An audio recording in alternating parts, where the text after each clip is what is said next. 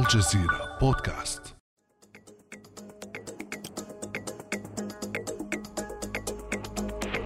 إننا ندرك أن الحضارات تموت فهي تعيش كما يعيش الإنسان.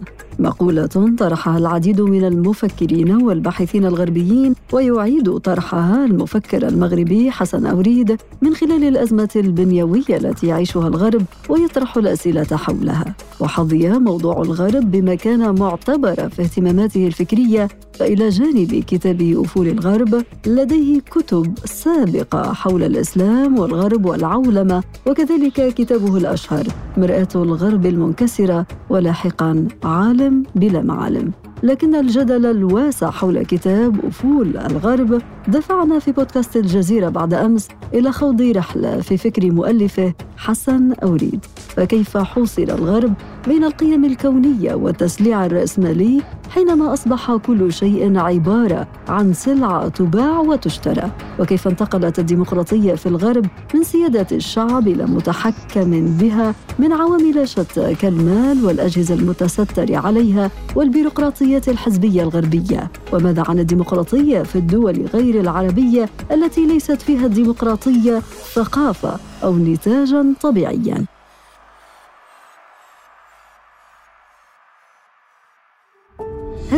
أنا أمال العريسي وهذه حكاية جديدة مع المفكر المغربي الدكتور حسن أوريد.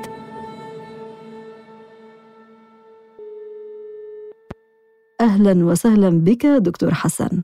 أهلا وسهلا. شكرا على الاستضافة. مرحبا. بداية دكتور حسن قلت في لقاءات سابقة إن تسمية كتاب أفول الغرب جاءت بناء على رغبة الناشر لكنك طرحت قبل هذا المؤلف ما يدور حول أزمة كبيرة يعيشها الغرب في مرآة الغرب المنكسرة لماذا لا تعتبر أن كافة الأزمات التي ذكرتها في كتابك تمهد الطريق نحو أفول النموذج الغربي النيوليبرالي المتوحش؟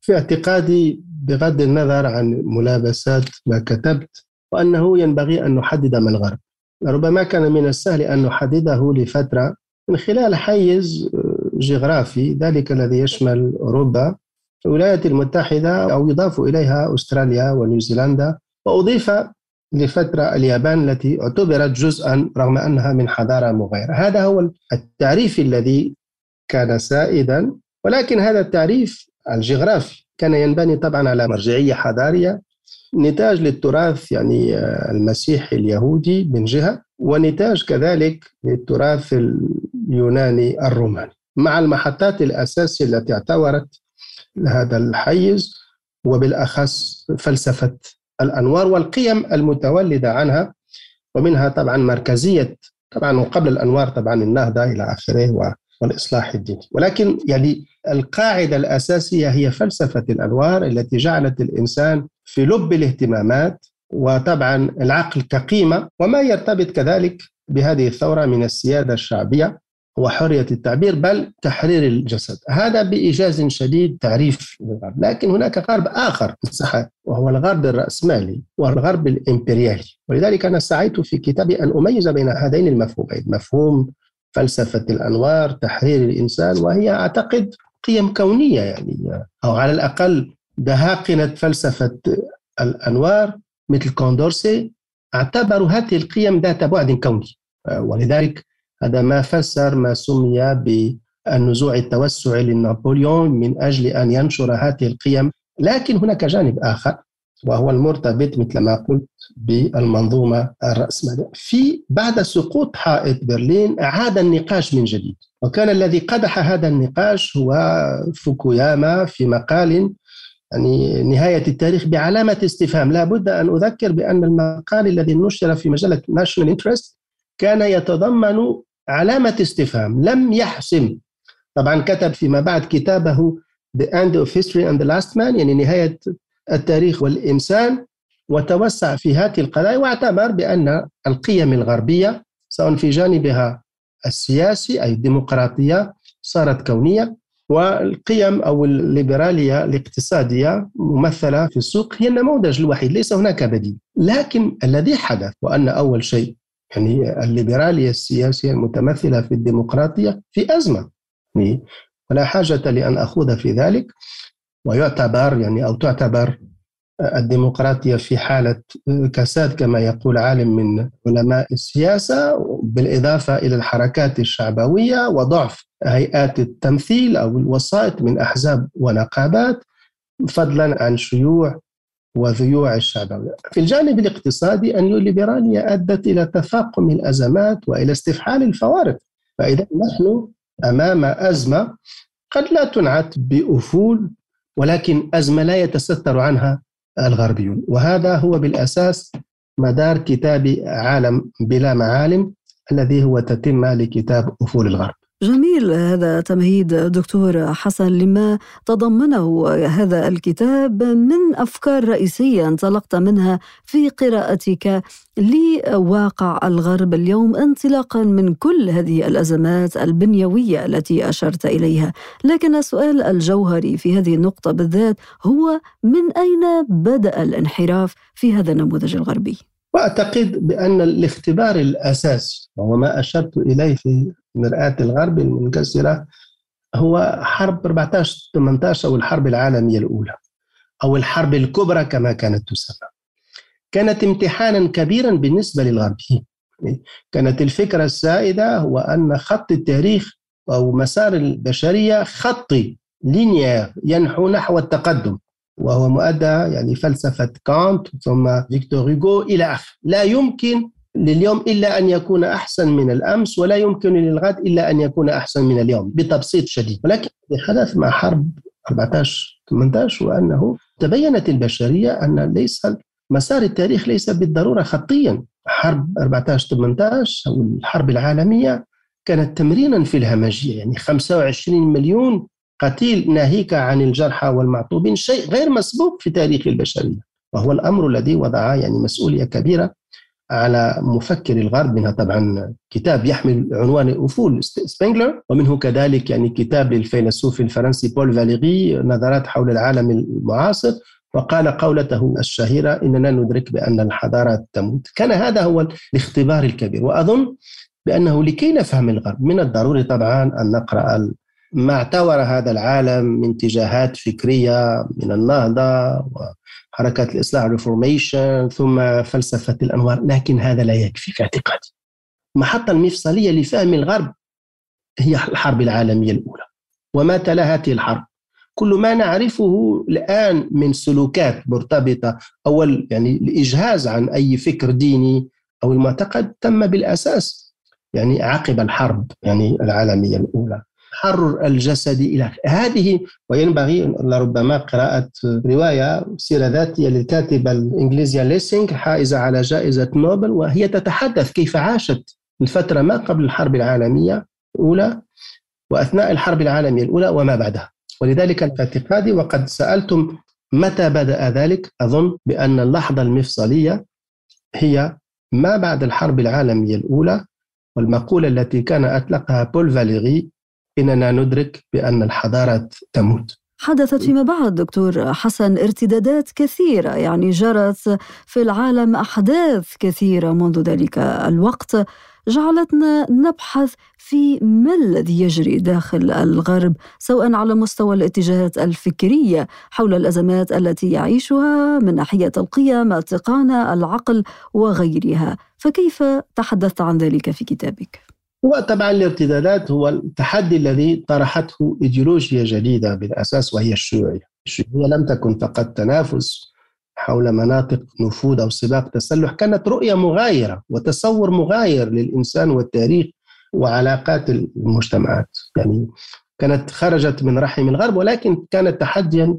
للحضارة الغربية، اعتبر بأن هذه الفترة طويت بعد سقوط حائط برلين وانتصرت القيم الغربية وبلغ التاريخ منتهاه أو نهايته وما على العالم إلا أن يأتم بهذه القيم هذه الصورة يعني الزاهية التي سادت إلى أن اهتزت بالأساس مع أزمة 2008 وعاد النقاش من جديد. أولا يعني حينما نرى يعني الأزمة المالية والاقتصادية هذا يذكرنا بالأزمة أو بتحليل كارل ماركس حول آه، مقال مشهور حول الطبقات في فرنسا. وكأننا حينما نقرأ هذا المقال الذي صدر تقريبا يعني قبل قرنين كما أننا نقرأ تحليلا الآن حول ما يجري. ولا غرو إذا أنه بعد 2008 صدر آه، كتاب لاقى انتشارا كبيرا في ألمانيا. Das Kapital أو الرأسمال يعني. الرأسمال طبعا إحالة إلى يعني آه، كتاب آه، رأسمال لكارل ماركس. بمعنى أن تفكير كارل ماركس في منظومة يعني الرأسمالية ما يزال يحتفظ على راهنيته وأن هناك عيب جنيني مرتبط بالليبرالية الاقتصادية ولو تسمت النيو ليبرالية إذا عاد النقاش بعد 2008 ولذلك أنا اعتبرت وكان هذا هو المنطلق هو أن الأزمة لسنة 2008 لم تكن فقط أزمة مالية أو اقتصادية بل هي أعمق من ذلك. ولم أكن في نهاية المطاف إلا صدى لما يقوله الغربيون أنفسهم. كنت قرأت كتاب حقيقة مهم جدا لفيلسوف فرنسي جيلبو جون كلود جيلبو خيانة الأنوار. La trahison des Lumières أن هذا الغرب خان قيمه ونفس الشيء قاله هذان الكاتبان هولمس أو إيفان كراستيف في The Light That Failed. أو النور الذي أخفق أو بهت إلى وربما في هذا الإطار بما أنك أشرت إلى هذا الكتاب فيما يتعلق بالانتكاسة التي يشهدها الغرب والتي تشبه إلى حد كبير ما يقع اليوم هذا يذكرنا في التحول الأخطر الذي طرحته في كتابك المتعلق بانتقال الغرب من اعتبار الإنسان محور الكون إلى تسليع كل شيء. وهذا قضية التسليع ليس جديدا يعني على الأقل يعود إلى مفكر نمساوي كارل أولايني في كتاب تحول الكبير ويعتبر بأنه خطورة المنظومة الرأسمالية هي أنها تسلع كل شيء. وطبعا حينما يتم تسليع هناك أشياء لا يمكن أن تسلع أو أن تصبح عرضة للتسليع إن صح هذا التعبير يعني كما أن هناك أشياء خارج منظومة الحساب يعني لا يمكن أن نقيس قضية الحب أو الأسرة أو قضية الدفاع عن حوزة التراب أو بمنظور فقط حسابي. يعني هناك أشياء يعني كما أنه قضية الصحة أو التعليم لا ينبغي أن ينظر إليها بمنظور حسابي. والذي حدث هو أنه حتى هذه القضايا المرتبطة بإنسانية الإنسان سواء فيما يخص الصحة أو التعليم أصبحت سلعة. التعليم الآن سلعة يعني مؤدى عنه لم تعد الدولة تطلع بدورها الأساسي فيما يخص يعني الحماية الصحية أو الرعايه أو يعني التعليم. ما يسمى في فرنسا بالمرفق العمومي وهو مصطلح بالأساس منبثق عن أدبيات الكنيسة أصبحت مقاولات. يعني مؤخرا مثل ما تذكرون من دون شك أن الرئيس الفرنسي اصدر مرسوم بضرورة يعني آه، أداء الطلبة إلى رسوم إلى آخره وأن لا يصبح التعليم الجامعي مجانيا. فلذلك هذا التسليع يعني بالأساس يتهدد أهم عنصر داخل المجتمعات والأمم وهو التضامن. حينما نتحدث عن الدول فهذا يتهدد ما يسمى بالعقد الاجتماعي. فإذا خطر التسليع ليس جديدا إنما بلغ شأوا كبيرا مع النيوليبرال. وهذه المعاينة أو هذا التشريح قام به هذا الفيلسوف الذي أشرت له في كتاب بعنوان وهو كتاب نفيس جدا La Grande Transformation أو التغيير الكبير طيب دكتور حسن هذا التغيير الكبير الذي أشار إليه هذا الفيلسوف وتبنيت فيما يبدو أفكاره أيضا هل هذا هو ما تقصد به في كتابك بأفول الغرب؟ وطبعا أنا قلت بأن هناك أزمة بنيوية الغرب من جملة ما قام عليه هو سيادة شعبية هل حقيقة الشعوب مالكة لأمرها؟ هل هي التي تقرر والحال أنه مثلما قرأنا في يافتا لحركة احتجاجية في إسبانيا. نصوت وليس لدينا صوت. هل يمكن أن تختزل الديمقراطية في تمرين يعني الانتخابات؟ حتى الاستفتاء. الاستفتاء هو يختار الإنسان بين نعم ولا وليس من الأمر في شيء. إذا هناك يعني هل حقيقة نستطيع القول بأن السيادة الشعبية واقع؟ ربما ما يفسر بزوغ يعني الحركات الشعبوية هي زعمها استعادة السياسة الشعبية. فهذا الركن الأساسي من فلسفة الأنوار مهدد. حينما نتحدث عن حرية التعبير مثلا هل حقيقة يعني ساحات التعبير كلها حرة سواء في الصحافة أو في الإعلام أو حتى في دور النشر؟ حينما نتحدث عن هذا شيء واكب الثورة يعني أو الأنوار يعني تحرر الجسد. ألسنا نعيش عبودية من نوع آخر. يعني فلسفة تكنوقراطية مثل ما أو لا مثل ما برزت مع سان سيمون كانت باعتبارها أداة وعنصر من أجل الارتقاء بالمجتمعات إلى آخره. لكن هؤلاء التكنوقراط أو حكم أصبحوا غاية لذاتهم انفصلوا عن أي منظور مجتمعي. فالذي حدث هو أن ما كان وسيلة أصبح غاية وأصبحت المجتمعات في الغرب من دون غاية. ومثل ما قلت في كتابي انعدام الغاية يبرر الوسيلة. هي ماكينات تشتغل لذاتها من غير تصور والذي حدث هو توعك لهذه الآلة مع كوفيد أو مع كورونا أو أزمة كورونا لأنه في نهاية المطاف الإنسان لم يطرح علاقة يعني عقد مع الطبيعة أو خطة ديل يعني نيو ديل مع الطبيعة. كان هناك استنزاف للطبيعة وهذا الذي يهدد إنسانية الإنسان ولربما كان حريا بالبشرية بعد أزمة كورونا أن تقوم بوقفة من أجل لربما القيام بما أسماه الكاتب الفرنسي من أصل لبناني أمين معلوف بنوبل نيو ديل أو خطة جديدة شاملة. ولكن يبدو أن هذه الوقفة حتى الآن لم تحدث دكتور حسن. وخير دليل على ذلك ما يشهده العالم اليوم من تبعات للحرب الجارية بين روسيا وأوكرانيا. ومتى له من تحليلات من خبراء ومتابعين حول ماذا سيحدث على مستوى وحدة الاتحاد الأوروبي وعلى مستوى علاقات الغرب فيما بينهم. في إطار هذا الصراع بين الكتلة الغربية والكتلة الشرقية وفي مقدمتهما الصراع بين أمريكا والصين. بناء على كل هذه القراءة دكتور حسن للأحداث الحالية خاصة إلى أين يتجه برأيك مستقبل النظام الدولي في ظل كل هذه التحولات؟ أول شيء لابد من القول بأن هناك واقع وحينما يلعلع السلاح معنى أن هناك أزمة. يعني المجتمعات الحديثة تنحو على أساس حل النزاعات بالطرق السلمية. وهناك اختبار أساسي بشرية وهو الحرب الأوكرانية الروسية. اعتبر بأن أوروبا في منأى وصلت إلى الوصفة الأساسية التي تعصمها من التنابز والتنابذ والتناحر ورأينا بأن أوروبا عدا طبعا الفترة التي انحلت فيها يوغوسلافيا أصبحت مسرحا لحرب دامية وحرب كل الحروب دامية طبعا ولكن حرب شرسة. هذه الحرب ستطول يعني. لقد قلت ذلك في خضم لقاء جمعني في مع هيئة المحامين في المغرب ويبدو أن الآن كبار استراتيجيين يقولون بأن هذه الحرب ستطول وستغير يعني. قواعد الناظمة أو ما يسمى باللغة الفرنسية لو غران بولفيرسمون أو الخلخلة الكبرى. وهذه الخلخلة أول شيء سوف تمس يعني مواقع الدول يعني أو هندسة القوى. يعني على كل حال يعني لا يمكن القول الآن بأحادية قطبية. يعني إن لم ننتقل إلى تعددية قطبية فعلى الأقل الأحادية القطبية ترنحت أو تترنح أو ما كان يسمى إلى Pax Americana مثل ما يقول فريد زكريا. يعني فريد زكريا أمريكي مشهور له بالرؤية الثاقبة يعني انتهت. فإذا نحن يعني في وضع يتغير فيه اللاعبون ولسوف تتغير كذلك القواعد. طبعا لا يمكن لأي أحد أن ينتصب عرافا يعني سيكون من قبيل الحذلقة أن أقول كيف ستؤول الأمور. ولكن الذي ينبغي هو رصد هذه التطورات.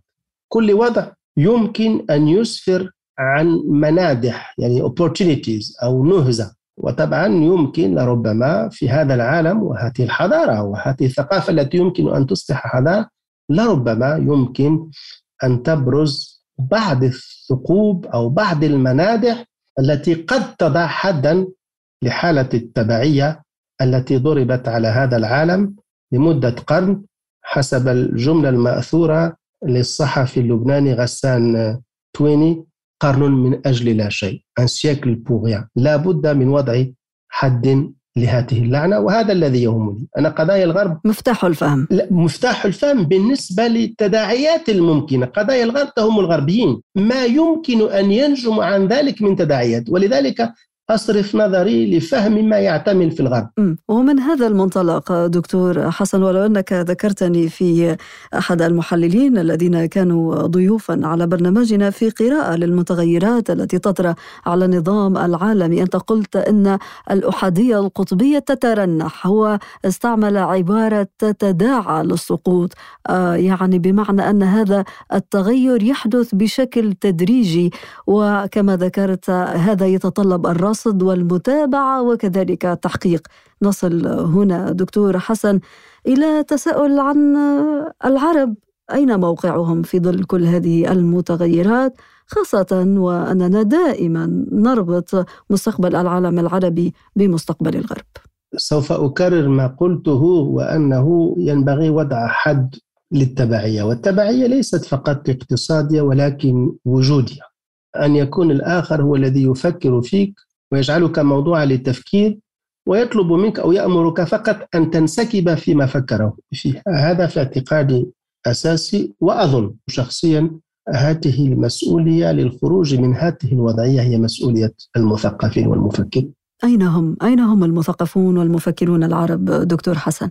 لفترة كنت أعتقد بأن أو أردد ما كان يقوله مفكر أردني مروان معشر في كتاب له اليقظة العربية الثانية اعتبر بأن اليقظة الثانية التي اعتملت بعد الربيع كانت شأن جماهير من دون نخب على خلاف النهضة العربية التي عرفها الشرق بالأساس في الثلاثينات أو الأربعينات وكانت شأن نخب من دون جماهير. كنت أتبنى هذا الطرح ولكن لم أعد أقول بهذا الطرح. لا يمكن الجزم بأن ليس هناك نخب. يعني أن هذا العالم لم يسفر ولم يفرز نخبا فكرية واعية إلى لكن هذه النخب ليست في دائرة القرار.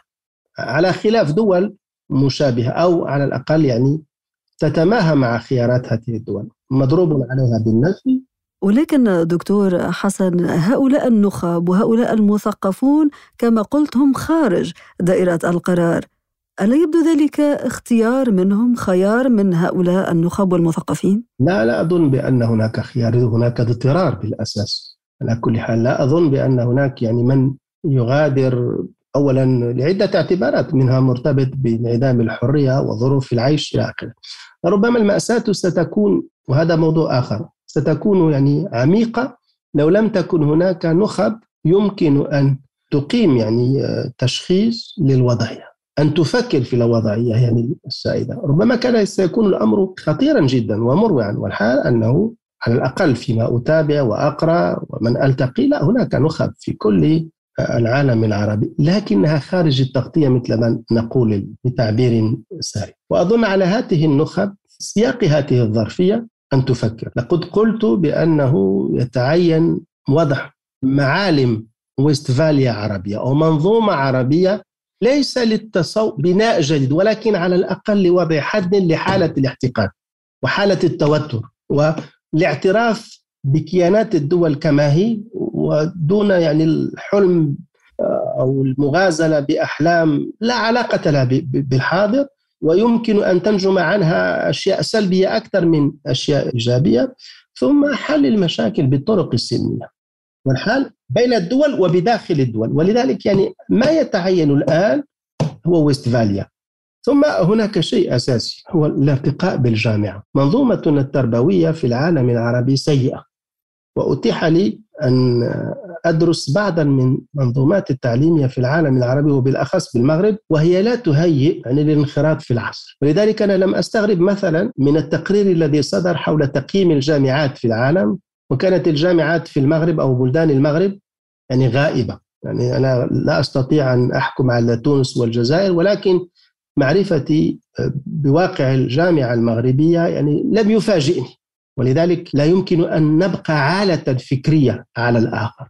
وينبغي أن نذكر بأشياء معلومة. ليس هناك أمة انتقلت من طور إلى طور من دون ثورة ثقافية والمدخل الأساسي هو الجامعة. مهم جدا ما قلته دكتور حسن خاصة في هذه الإشارة إلى وضعية الجامعات في الدول العربية وما تفرزه من خريجين غير متابعين. نحن لا نعمم كما ذكرت ولكن هذه تقارير ترصد الحالة لخريجي الجامعات العربية من منطلق الفكر والإضافة للثقافة العربية.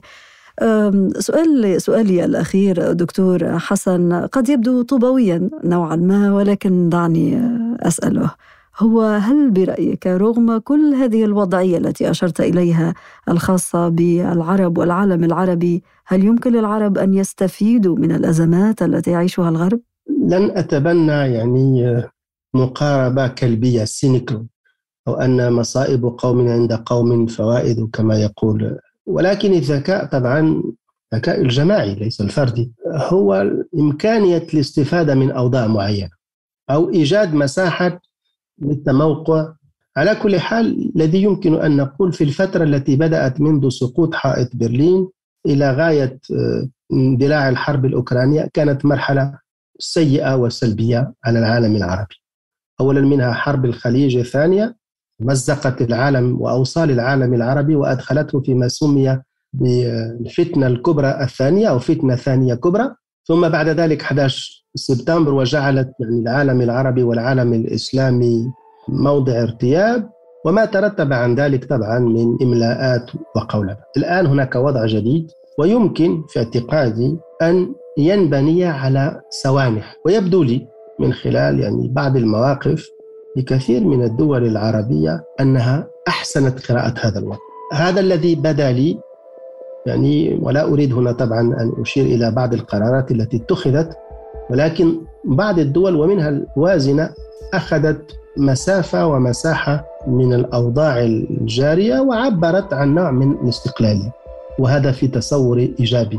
إنما تبقى المسؤولية الكبرى على الذين يشتغلون في الأفكار أي المثقفون والمفكرون. هذا أساسي في اعتقاد المفكر المغربي دكتور حسن أوريد شكرا جزيلا لك. شكرا مرة ثانية على الاستضافة. شكرا جزيلا. كان هذا بعد أمس.